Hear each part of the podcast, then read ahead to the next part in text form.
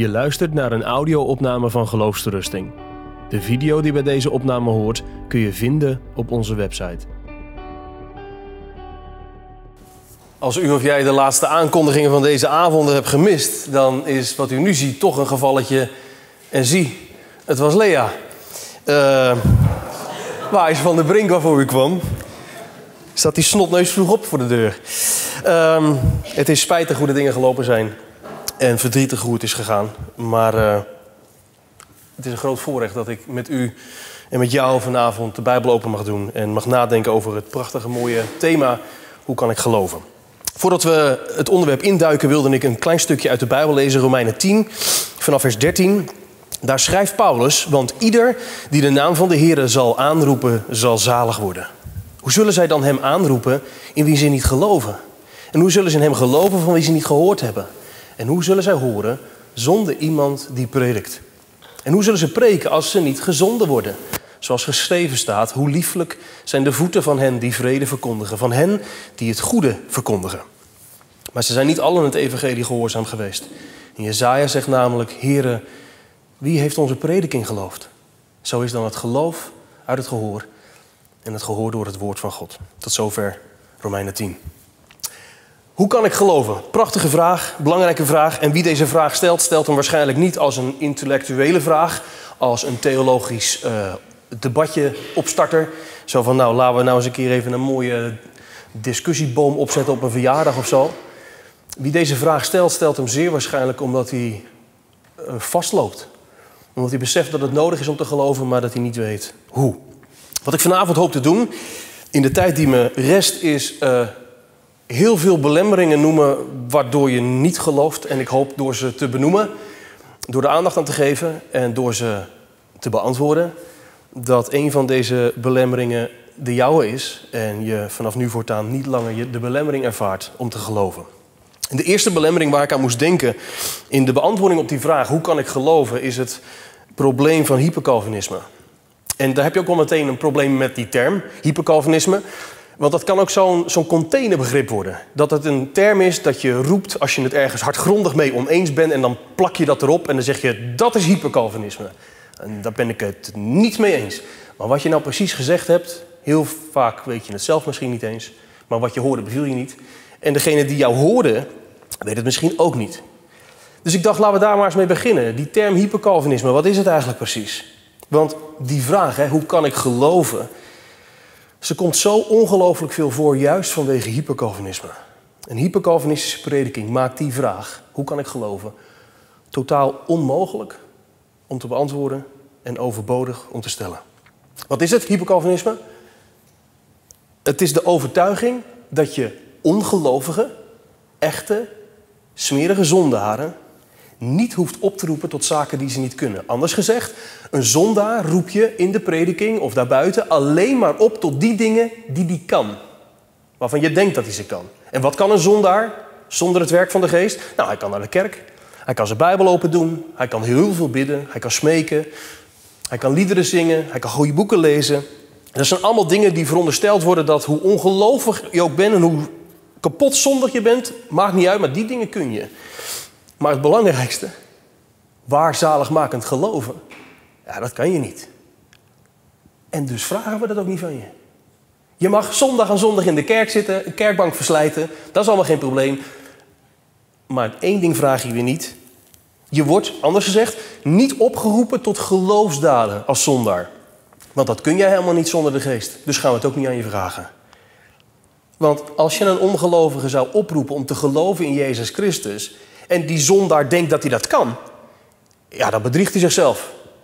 Dat, dan, dan is hij het voorbeeld van nabijkomend werk. Dat moet je ten zeer stelligste voorkomen. En er is tenslotte ook zoveel schijn wat geen zijn is. Wat er wel op lijkt het echte te zijn, maar het niet is. Ja, dan moet je vooral geen zondaren gaan oproepen om te geloven in de Heer Jezus Christus. Pas op, pas op. Gemeente, let op. Er is veel schijn wat het geen zijn is. Zorg ervoor dat u zichzelf niet bedriegt. Eh, misschien herkent u die taal, ik helaas wel. Wat je niet kunt als zondaar in eigen kracht, dat gaan we ook niet aan je vragen. Het evangelie is daarmee ook helemaal geen boodschap meer voor zondaren. Het evangelie is een boodschap geworden voor gelovige mensen. Voor degenen die het geloven, die mogen het horen. Voor de uitverkorenen, hoe, hoe, hoe God zijn volk bekeert, hoe hij ze thuis haalt, hoe hij ze dwars door alle staden en standen veilig in de haven thuis brengt. Maar als jij daar zit, zo zondig als wat, met allemaal foute verlangens, ja, voor jou is er geen hoop. Voor jou is er zeker geen evangelie. Want dat kun jij helemaal niet geloven. En die geest van hypercalvinisme, het is makkelijk om daar een paar kerkverbanden op, daar stickers op te plakken, maar het, het, is, het is verfijnder, het zit veel wijd verspreider. Het geeft een valse voorstelling waardoor het evangelie wordt weggehouden van zondaren. Maar er zijn nog veel meer belemmeringen. Dit is er eentje.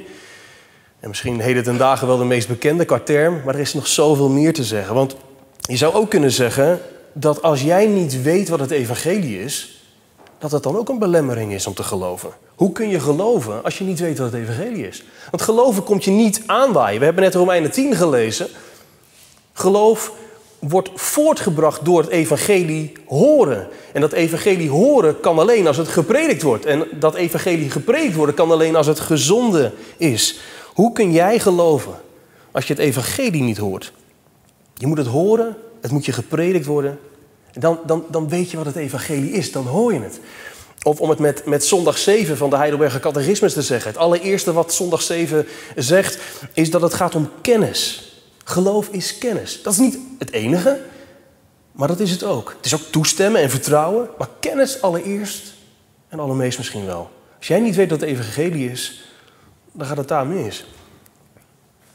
Uh, het, het, gaat niet om kennis als gewoon kennis van de Bijbel. Ik bedoel, het is leuk als je alle Bijbelboeken op een rijtje kunt noemen en je hebt ze nog goed ook. En uh, dat je alle koningen in het Oude Testament op jaartal weet. Goed van je, dat zou maar niet lukken. Maar, maar je voelt wel aan, daar gaat het niet allereerst om. Mooi als je dat kunt. Maar allereerst gaat het om het kennis van, de evangelie, het eh, kennis van het evangelie. En voordat ik verder ga, kan ik natuurlijk niet verder gaan zonder een definitie te geven van het evangelie. Ik geef hem voor beter, maar ik hoop dat je ermee instemt als ik zeg... het evangelie is de blijde boodschap dat Jezus Christus, de Zoon van God, mens is geworden... om als het lam van God de zonde van de wereld weg te dragen. Dat is het evangelie. Niks meer, niks minder. En dat is ook wat je moet weten als je gelooft. Dat is namelijk wat je gelooft als je gelooft. Iemand die zegt te geloven, maar gelooft iets anders, gelooft vooral dat hij heel erg zondig en slecht is, prima, maar dan heb je niet het evangelie geloofd. En, en daar hoef je ook geen hoog IQ voor te hebben. Die kennis is niet, eh, maakt geen onderscheid tussen rijk en arm en tussen mensen die heel veel intellect hebben en degene die het met wat minder IQ moeten doen. Want dit, die kennis, dat is je in één ritje, zoals Filippus aan de Kamerling, mee te delen. Uh, het is in één preek, zoals Paulus te Damascus doet, door te geven. Het is in één gesprek met die cipier die vraagt: wat moet ik doen om zalig te worden? Het is in één gesprek te vertellen. Geloof in de Heer Jezus Christus. En jij en je huis zult zalig worden. Kennis is dus ontzettend belangrijk. En dat gaat niet om IQ, maar om het hart van het evangelie kennen en weten. En wat je dan tegelijkertijd opvalt, is wat je dan niet tegenkomt. Een overdreven nadruk op zondebesef, op dieper doorgeleiding, op ontbloting van de ziel, op give it a name. Heeft dat dan helemaal geen plaats? Gebruikt God daar dan helemaal niks van? Oh, zeker wel. Maar één ding moeten we wel bovenaan houden. Wat belangrijk is, moeten we belangrijk maken. Het evangelie van Jezus Christus. Daar komt uiteindelijk alle nadruk op te liggen. Om het met Luther te zeggen, als ik moet kiezen tussen wet en evangelie, kies ik voor het evangelie. Niet om te zeggen dat er voor geen plek is voor de wet, maar om te zeggen wat ik ook zeg over die wet, het evangelie heeft het primaat boven alles. En die vraag kun je jezelf ook stellen. Van hoe is dat nou eigenlijk bij mij? Als ik nadenk over de wet en even de evangelie. Waar ben ik meer mee bezig? Met de wet of het evangelie? Als ik kijk naar mijn eigen tienerjaren, toen ik worstelde met de vraag... hoe krijg ik een genade God? Was ik meer bezig met mijn zondige ik dan met een genadige Christus. De boel stond wat dat betreft echt op zijn kop. Ik was zo druk bezig met zondebesef, met, met de ontdekking van de wet in mijn ziel. En het moest dieper en het moest al dieper en al dieper. En graaf dieper mensenkind hoorde ik iemand in mijn netwerk zeggen. Dat was nog niet diep genoeg. Ik moest er helemaal aan. En ondertussen snakte mijn ziel naar Jezus. Maar daar was het natuurlijk nog lang de tijd niet voor. Maar wanneer wel, dat kon echt niemand mij vertellen. En ondertussen was mijn hart meer bezet met de wet dan met het evangelie. Wat was het probleem in mijn leven?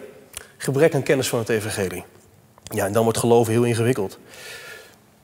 Wat ook ingewikkeld is, naast het probleem van hypercalvinisme, wat de prediking van het evangelie ernstig verstoort, een gebrek aan kennis van dat evangelie. Een derde punt die mij uh, in de voorbereiding uh, te binnen schoot, was dat je het geloof zelf misschien niet begrijpt. Dat je niet weet wat geloven is. Ik noemde net al zondag 7, maar die zegt dat natuurlijk prachtig in die drieslag. Hè? Kennis, toestemmen, instemmen, aannemen en vertrouwen. Eh, dat kennis, dat noemde ik net al, dat is superbelangrijk. Daar begint het mee, kennis van het evangelie. Maar als jij niet weet wat vervolgens dat toestemmen en vertrouwen is, wat, wat dat geloven tot een compleet geloof maakt, kennis, toestemmen, vertrouwen, dat is geloven. Als je dat niet weet, ja, hoe kun je dan geloven? Dat wordt dan heel ingewikkeld. Hoe ziet dat er dan uit? Dat, dat, dat toestemmen en dat vertrouwen. Die kennis, dat hebben we net gehad. Maar, maar, maar wat zijn die andere aspecten dan die zondag 7 aanhaalt, omdat het zo helder uit de Bijbel naar voren komt? Nou, neem de artikelen, de twaalf artikelen. Ik geloof in God de Vader. Ja, niet zomaar in God de Vader. Dat is mijn God en Vader. Die zijn zoon Jezus naar deze wereld zond als de zaligmaker van zondaar. Nee, niet de, een zaligmaker. Dat is mijn zaligmaker. Die kennis dat hij de zaligmaker is van zondaren, het geloof zegt, ik neem daar kennis van, maar ik, ik druk dat aan mijn hart en ik vertrouw er met mijn hele gewicht op. Met mijn ziel en zaligheid ga ik daar restloos op hangen. En ik geloof in de Heilige Geest, die leidt en regeert. Hij is niet zomaar een trooster, hij is mijn trooster. Dat is geloof. Geloof neemt kennis, maakt het zich eigen en vertrouwt er met ziel en zaligheid op. Wat dat betreft, die zondag 7 is machtig mooi. Machtig mooi. Kan een hoop corrigeren in deze tijd. Wat het corrigeert is een al te voorwerpelijke prediking. Waarin van alles over Christus verteld wordt. En, en, en, en misschien wel waar ook. Maar het blijft op afstand. Het is als er wordt van alles uitgestald. Een prediker zegt dat maar misschien ook wel. Oh, zie mij Christus uitstallen. Maar het is niks anders als een etalage waar zo'n vette vitrine voor zit. Dat jij er nooit bij kan. Ja, het ligt daar wel, maar hoe komt dat daar hier? En de prediking van het evangelie bewerkt niet alleen dat het uitgestald wordt. Kijk eens deze Christus, hoe heerlijk genadig hij is. Maar hij wordt je in de schoot geworpen. Ik heb dat ooit dominee Arie Simons horen zeggen en ik vind het machtig mooi. Want het laat tegelijkertijd de bereidwilligheid van Christus zien. Hij wordt je in de schoot geworpen. En je moet je er echt dood over struikelen, wil jij verloren gaan. Dan, dan moet je echt niet willen. Want het evangelie is zo benaderbaar, zo toegankelijk. Ik moest denken aan het voorbeeld van een drenkeling, eh, die zul je vaker gehoord hebben. Een drenkeling die in het water ligt en die dan een reddingsboei toegeworpen krijgt. Hoe past zondag 7 daarop? Nou, een drenkeling die zich beseft dat hij verdrinkt in deze situatie en die reddingsboei in rennen kan, dat is die kennis. Maar dat alleen redt hem niet. Dat moet hij wel weten, dat een reddingsboei hem redden kan. Maar, maar daar stopt het niet. Als die reddingsboei, als die drenkeling echt gered wil worden, wordt hij alleen gered als hij één weet wat een reddingsboei is en dat dat hem redden kan. Dat die reddingsboei bij machten is om hem uit het water te halen. Maar ook dat hij zich aan die reddingsboei toevertrouwt. Dat hij daarmee instemt, dat hij die aanneemt. En met heel zijn hebben en houden daaraan overgeeft. En zegt, ik kan mijzelf niet redden, maar deze reddingsboei wel. Ik weet dat, ik vertrouw mezelf eraan toe en ik vertrouw erop. Dat is wat zondag 7 bedoelt. Dat is wat met een mooi woord gezegd wordt: toe-eigening van het hel. Zondag 7 zegt: het is niet alleen voor anderen. Maar dit aanbod van genade is zo rijk en zo ruim, dat heb ik echt heel hard nodig. Niet alleen voor anderen, maar op grond van Gods betrouwbare beloften die je aanmoedigen en uitdagen om daadwerkelijk die stap te zetten, zeg je het niet alleen voor anderen, maar halleluja, wat een genade ook voor mij. Maar als je dit niet weet, wat geloven is, ja, dan wordt geloven ingewikkeld. Wat het ook ingewikkeld maakt, ten vierde, is als je niet gelooft dat Christus zeer bereidwillig is om jou te redden. Dat God zeer genadig is om jou te verlossen. Daarom is de prediking van het evangelie zo key. Daarom moet dat aanbod van genade niet als een soort theologisch kader neergezet worden. Ja, zo, zo beleiden wij dat, zo is dat rechtzinnig, zo is dat degelijk gereformeerd. Nee, het moet functioneren in de prediking. Dat iedere verrotte zondaar die zit, het hoort ik heb de dood verdiend. Maar deze verdoemde zondaar, word nog niet verdoemd. Want ik hoor van een heiland die me redden wil, die me hebben kan. Dat is het evangelie. Dat er goed nieuws is, niet voor uitverkoren mensen, en dan moet je dan eerst daarachter komen. Maar dat er goed nieuws is voor echt hele slechte mensen. Die niks hebben, die niks kunnen. Die alles ervan afbrengen. En God zegt, ik heb goed nieuws voor jou. Dat is evangelie. Dat geeft hoop. De Dordtse leerregels zeggen het prachtig. Het is God aangenaam dat de geroepenen in het evangelie tot hem komen. Nou, in één zinnetje samengevat hebben die Dordtse vaderen perfect woorden gegeven aan wat, wat je bedoelt met de bereidwilligheid en de gewilligheid van Christus om zondaren zalig te maken. Dat God je heel graag ziet komen. Dat er geen enkele twijfel hoeft te zijn dat of jij met al je lek en gebrek, met al je zonden en wonden, of je bij Christus welkom bent. Dat ben je. Je bent meer welkom dan dat jij gewillig bent om te komen. Dat is het evangelie. Lucas 19 zegt het prachtig. En toen hij Jezus dichtbij kwam en de stad zag, weende hij over haar. En hij zei, och, dat u ook nu nog op deze uw dag zou onderkennen wat tot uw vrede dient. Deze heiland huilt, omdat hij zo graag ziet dat zondaren zalig worden. En de vastheid van het geloof is zo rijk en heerlijk. Als je, het is te veel om op te noemen. Ik heb hier een legio teksten, ik noem er maar twee. Johannes 3, vers 36. Wie in de zoon gelooft, heeft eeuwig leven. Maar wie de zoon ongehoorzaam is, zal het leven niet zien, maar de toorn van God blijft op hem. Het geloof geeft je alles wat je nodig hebt. Of handelingen 10. Van hem getuigde, van Jezus getuigden al de profeten dat in ieder die in hem gelooft, vergeving van zonde ontvangen zal door zijn naam. God is zeer bereidwillig om de grootste van zondaren zalig te maken. En wie ook maar tot hem gaat, ontvangt het grootste geschenk. Johannes 20 zegt dat heel prachtig. Waarom heb je dit boek geschreven, Johannes? En Johannes zegt: Ik heb dit evangelie geschreven opdat u door te geloven het leven hebt in zijn naam. En er is iets heel merkwaardigs aan de hand. Hoe, hoe makkelijker het geloof wordt voorgesteld, hoe moeilijker jij het vindt. Dan komen er allemaal vragen.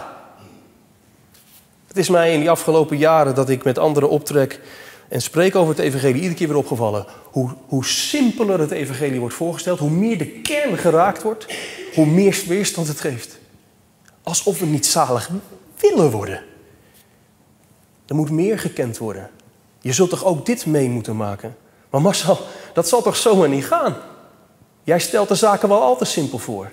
Dit wekt verstandsgeloof in, de, in het leven. Maar het is niet waar. De schrift spreekt. En de schrift spreekt zeer helder en duidelijk. Dat het kleinste kind en de verstokte grijsaard gered kan worden. Door niks anders alleen. Dan als een drenkeling die zichzelf niet meer redden kan. Nog iets. Geloof is ook onmogelijk als je de meningen van andere mensen belangrijker vindt. Uh, en misschien is dit ook wel zo'n punt die ik voor mezelf, uh, ik hoor het mezelf zeggen. Man, man, man, wat heb ik daar ik ben op mijn achttiende tot geloof gekomen. Wat heb ik hier een hoop mee getopt? Veel gesprekken met mijn opa gehad. En uh, ik hoopte zo dat hij het zou overnemen. Dat is zo'n term, weet je wel. Dat je dan tegen een kind van God vertelt hoe God in je leven gekomen is. En dat, het dan, dat dan je bekering overgenomen wordt. Maar wat zak je door de grond als jouw bekering niet overgenomen wordt? Marcel, jongen, dat zal zo niet gaan.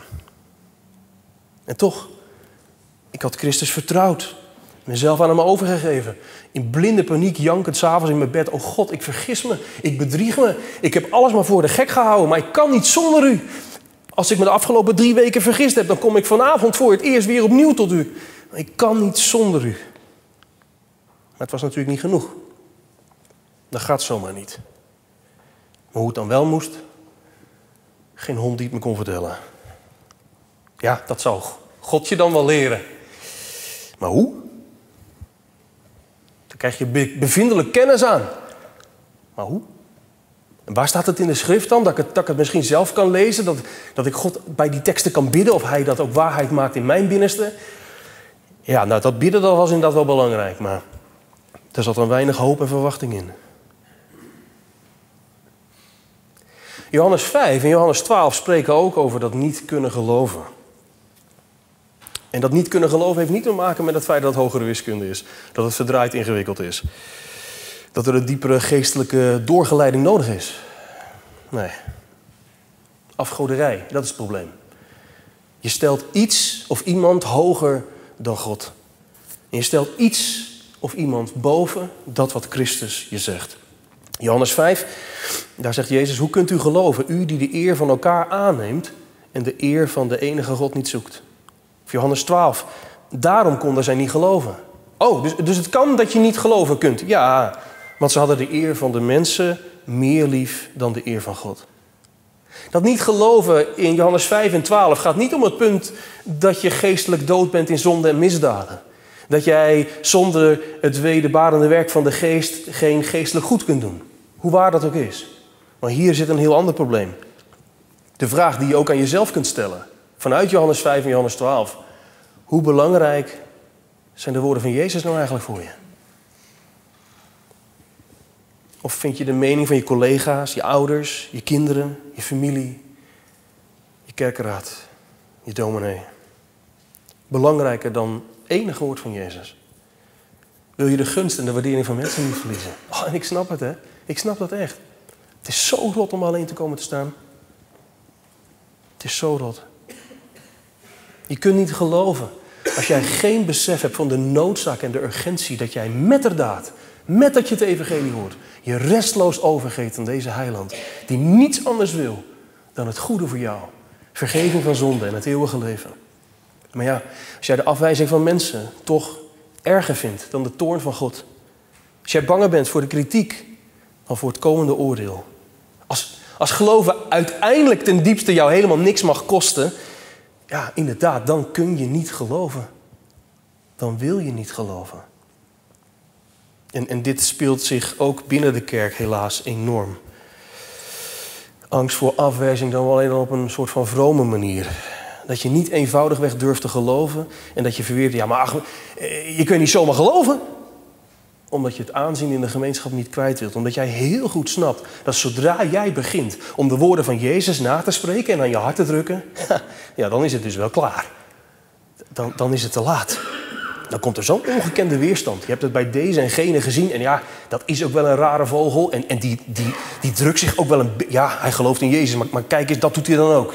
Dus je duwt het maar wat gemakkelijk weg. En je ziet al helemaal niet te wachten op de weerstand die het oplevert. Je weet nu al dat als jij vanaf vandaag jouw eenvoudige vertrouwen op Christus en Christus alleen zou uitspreken richting een ander.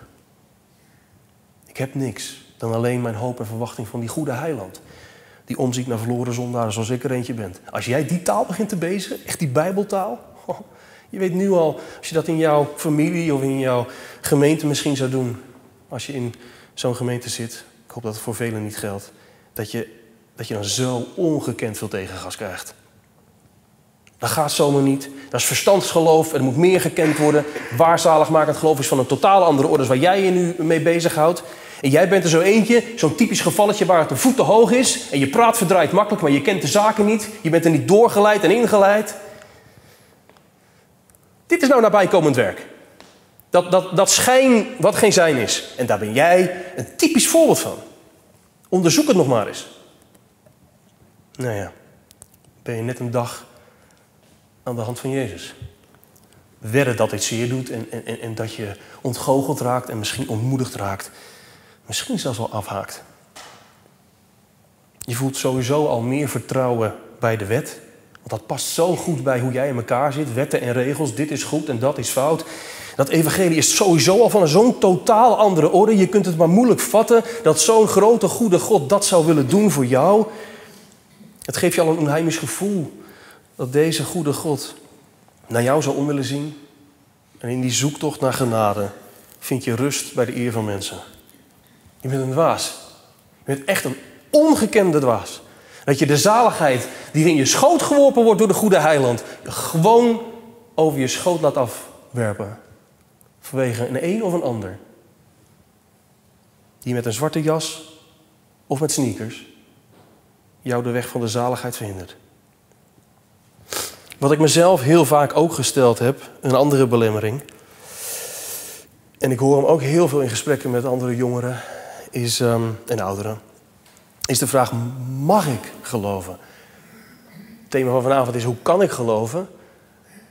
Maar dat geloven is soms bar ingewikkeld als je het gevoel hebt, ja, maar dat mag zomaar niet.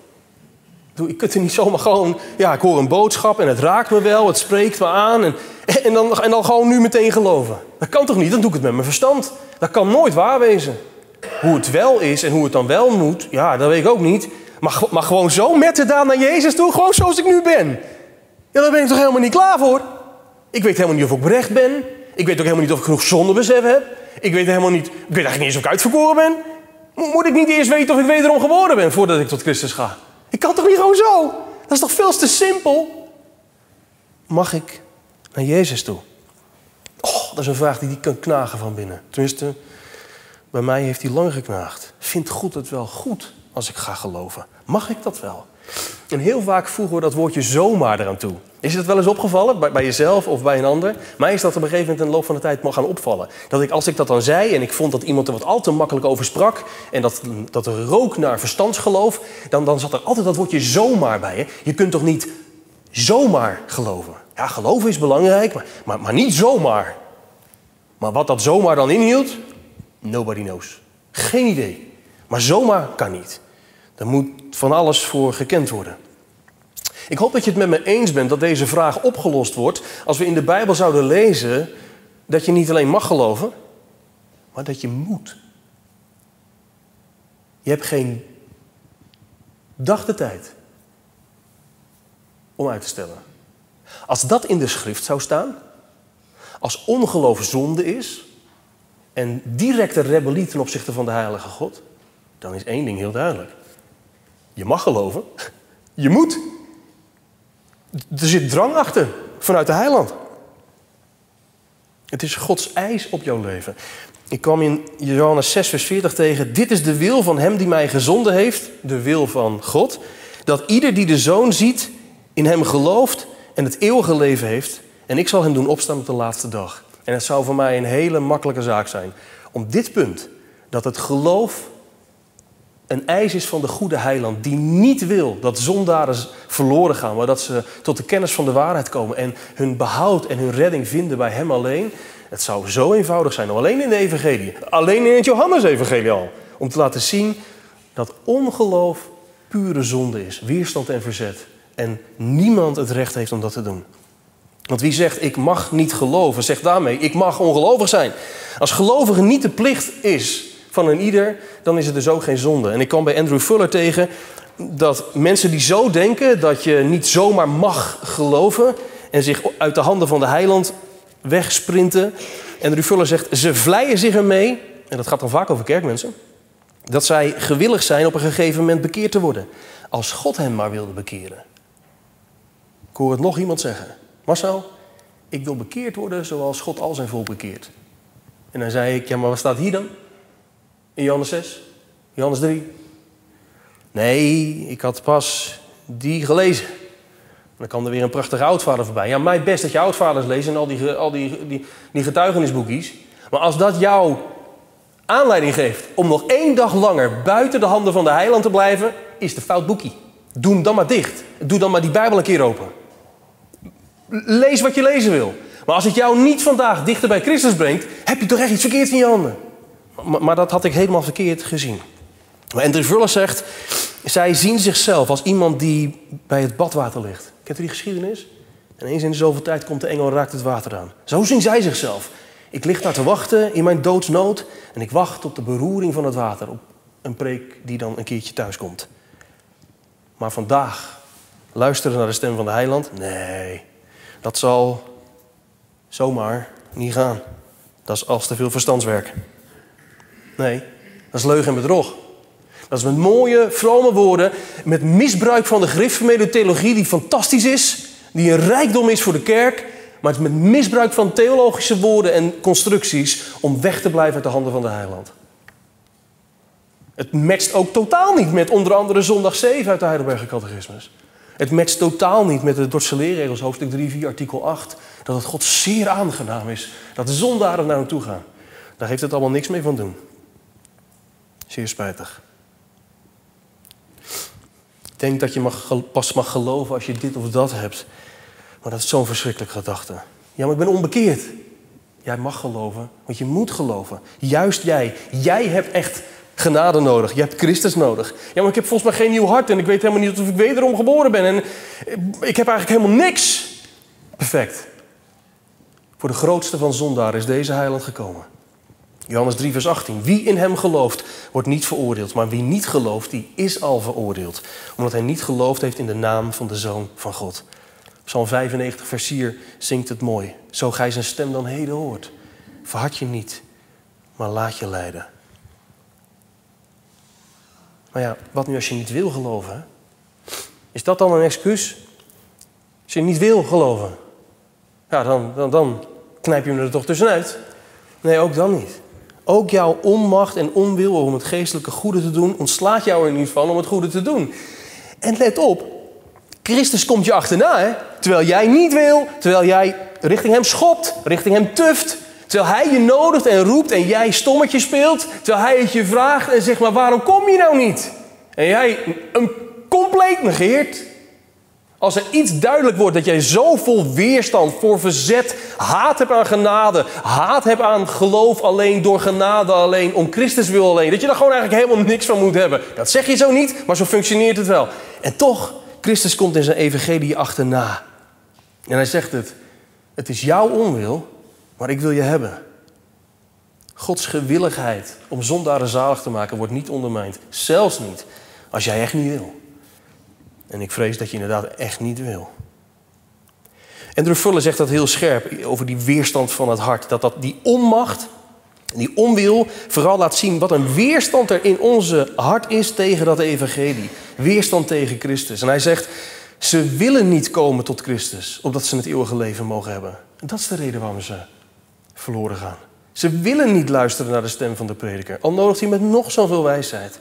Ze willen niet zoeken naar God en ze verlangen niet naar de kennis van zijn wegen. Geloof in de Heer Jezus Christus en je zult zalig worden. Maar je wil niet. En eerlijk is eerlijk, dat evangeliewoord, geloof in de Heer Jezus Christus, daar komt ook wel heel vaak, dat is heel vaak niet een evangeliebediening, maar toch weer een wetsbediening. Dat valt me de la, ik, ik luister de laatste tijd veel preken en het valt me bij sommige preken echt op. Dan klinkt het evangeliewoord, geloof in de Heer Jezus Christus. En, en als vanzelf komt erachteraan, ja maar gemeente, dat is nou een zaak van wel te moeten, maar niet te kunnen. Kom daar nou maar eens achter. Ja, maar dat is geen evangelie. Geloof in de Heer Jezus Christus. Ja, maar dat kun jij niet. Dat kun jij niet. Kom daar maar achter. Hoe, hoe dodelijk verloren je bent. Dat als het evangelie klinkt, dat jij niet kunt en niet wilt. Ja, en, en wat is nu het evangelie dan? Wat is dan het goede aan dit verhaal? Ja, er is nog doen aan bij God. Ja, maar voor mij dan? Ja, laten we erom bidden. Hè? Maar dat is toch geen evangelie voor mij? Dat God er nog mensen bekeert is, is mooi. Maar, maar, ik zit er vanavond hier voor mezelf. Ik heb een ziel voor de eeuwigheid. Dat heb je me net verteld. En je hebt me verteld dat ik moet geloven in de Heer Jezus Christus. En dan en dan alleen word ik zalig. Maar je, het functioneert als de wet. In plaats van als evangelie wat me bevrijden zal. Ik hoorde pas een dominee in een preek zeggen dat geloven nog onmogelijker is dan, dan een ster pakken aan het firmament. Ik denk, hoe, hoe hebben we het nou? Hoe hebben we het nou? Alsof geloven op zichzelf zo'n ingewikkeld ding is. Ik bedoel, een ster pakken, een, een ster pakken, dat is, dat is gewoon echt onmogelijk. Dan moet, ik, dan moet ik gewoon God zijn. Wil ik een ster kunnen pakken in mijn knuisje? Dat, dat kan gewoon niet. Dat is onmogelijk. Maar geloven is niet onmogelijk. Geloven, en dat is het schrijnende van zoveel ongeloof. Geloven is super simpel. Het is kennis, toestemmen en vertrouwen. En als ik niet geloof, dan is dat gewoon omdat ik er ongelooflijk veel verzet tegen heb. Maar geloven op zichzelf, geloven als ding wat mij verenigt met Christus, dat op zichzelf genomen is zo eenvoudig. O zeker waar. Als jij dood bent in de zonde en de misdaden en de geest van God je niet levend gemaakt heeft, dan vertik je het om hem aan te nemen. Maar dat is niet omdat het geloven zo'n ingewikkeld ding is. Geloof is zo eenvoudig. Dat kan zomaar. Het punt is alleen dat je menig mens niet wil. Geloven is heel eenvoudig. Maar wie niet van zijn weerstand door het evangelie verlost is, die zal nooit geloven. Geloof is heel eenvoudig. Voor wie wil. Maar wie niet wil geloven, ja, dan is geloven geen optie. Dan kan het niet, dan lukt het niet.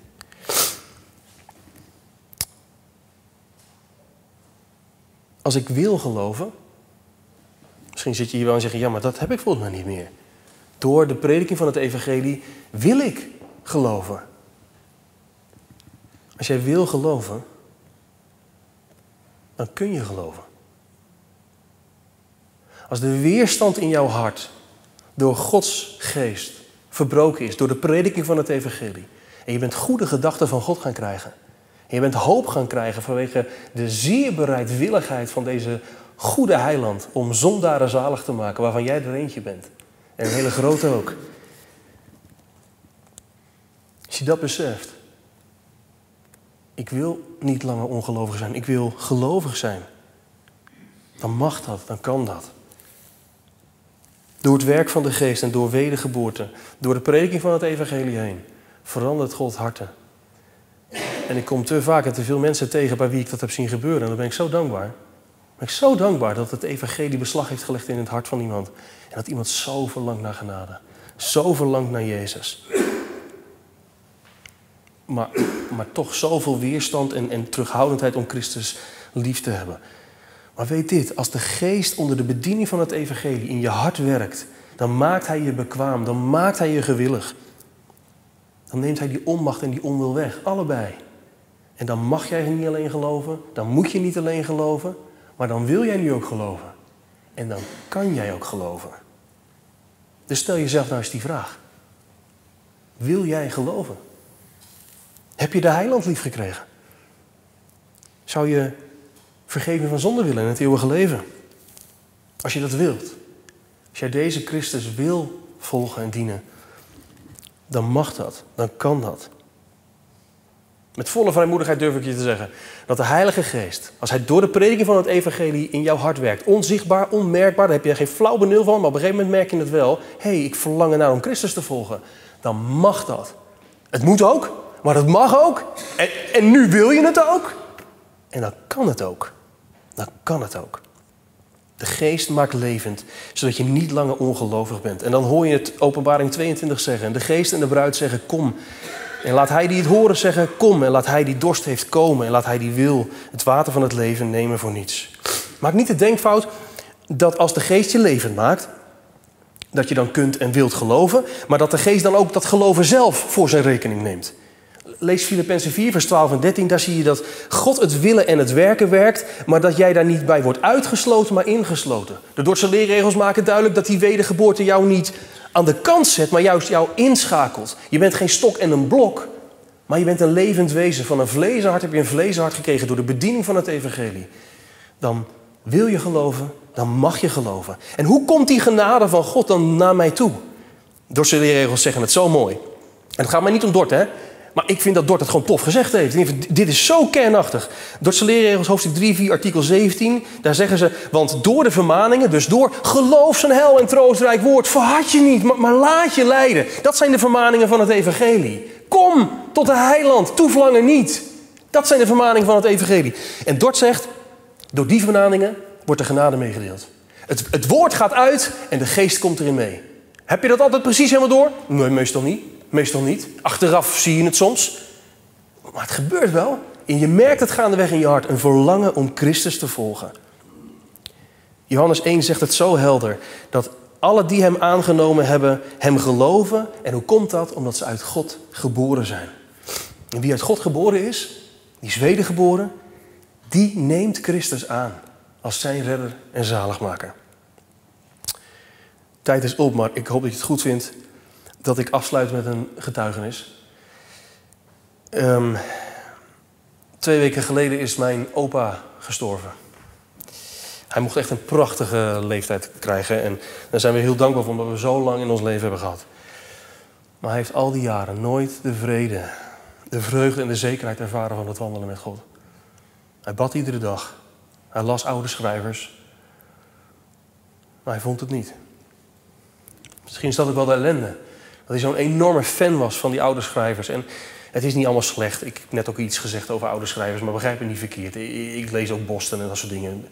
Maar ik zou bijna zeggen, las hij dat alleen maar. En Erskine en zo en Spurgeon, dat is geweldig. Maar hij las ook andere dingen. Over allerlei staden en standen en bevindingen en zielenroeselen. En dat moest hij dan ook hebben. Oh, wat heeft die beste man ervoor gebeden. Maar hij kreeg het niet. En Christus verdween uit het zicht.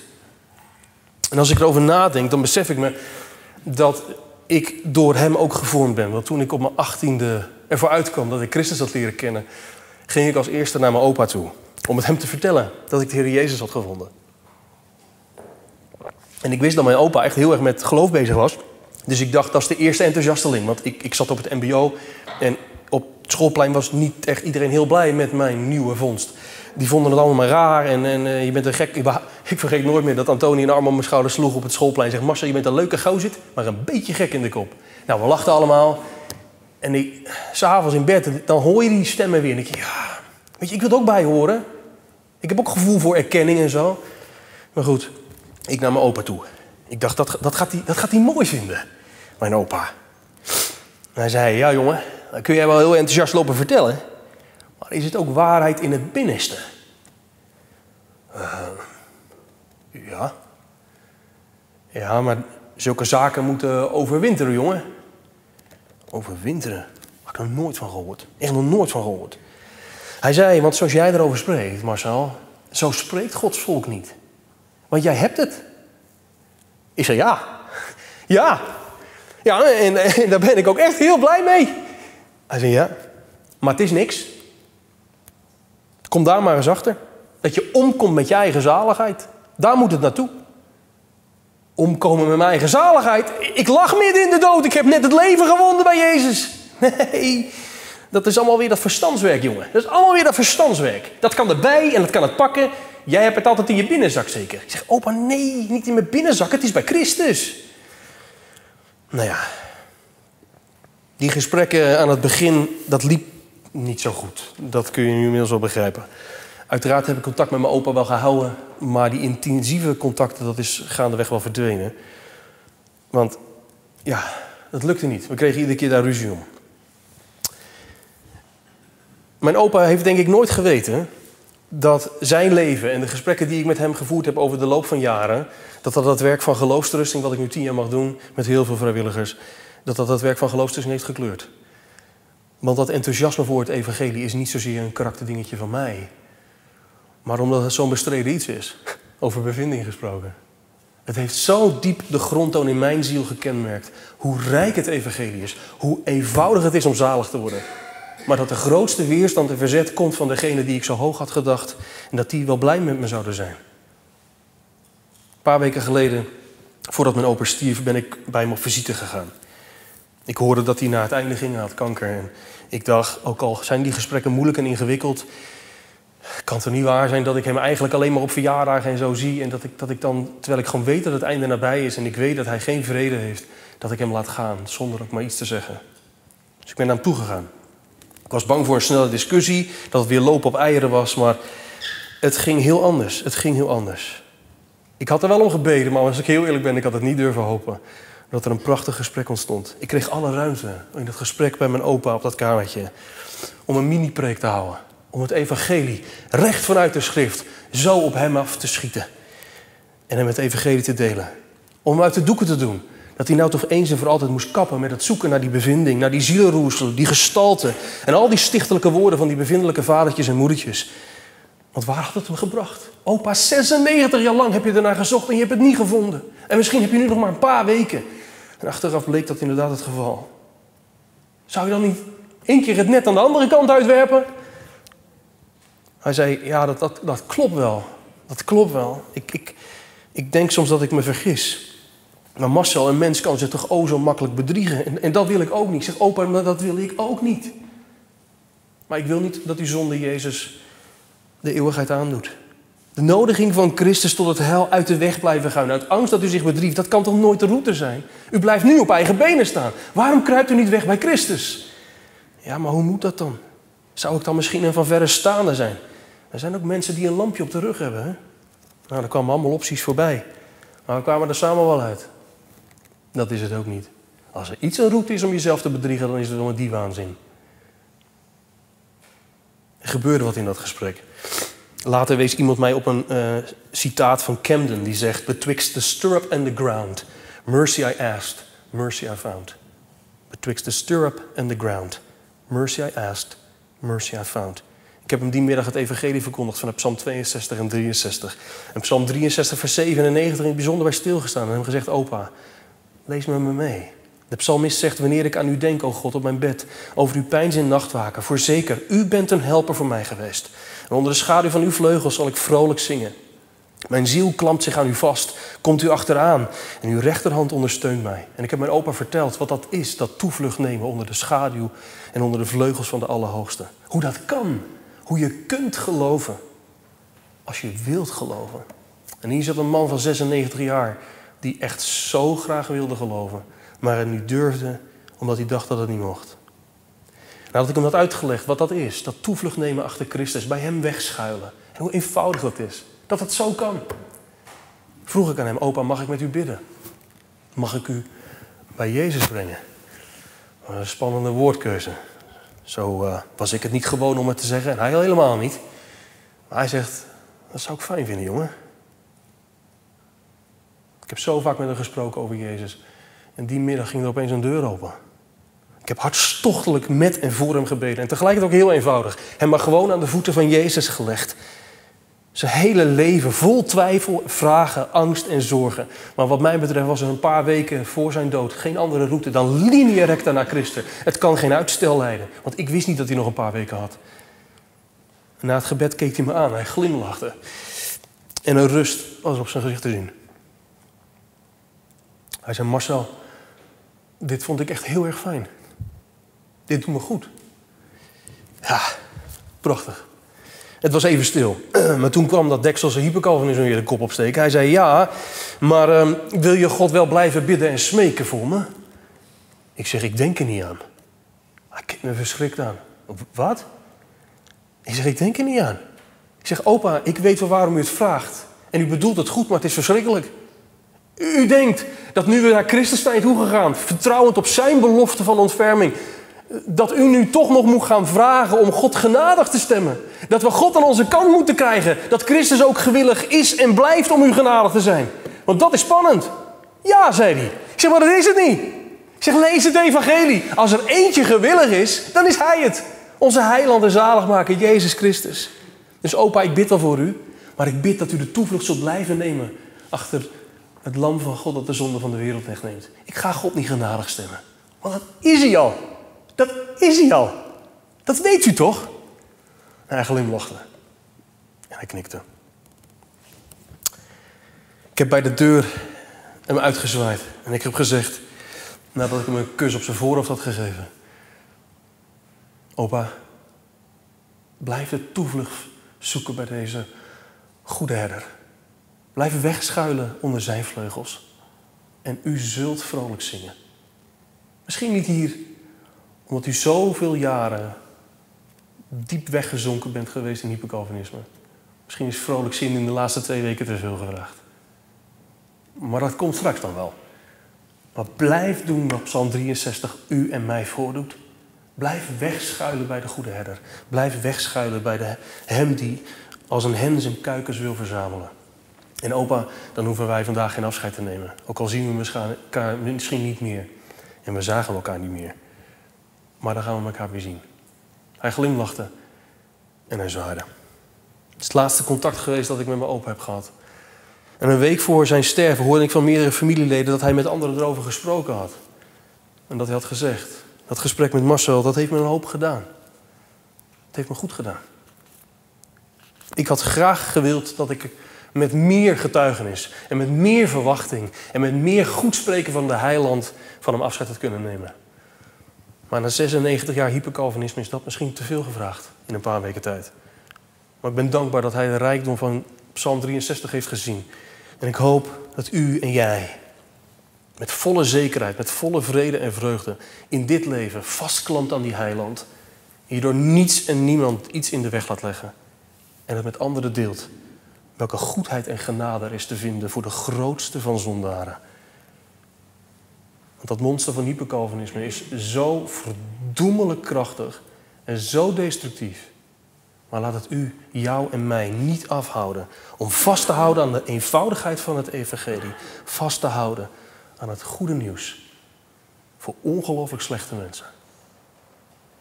Dankjewel.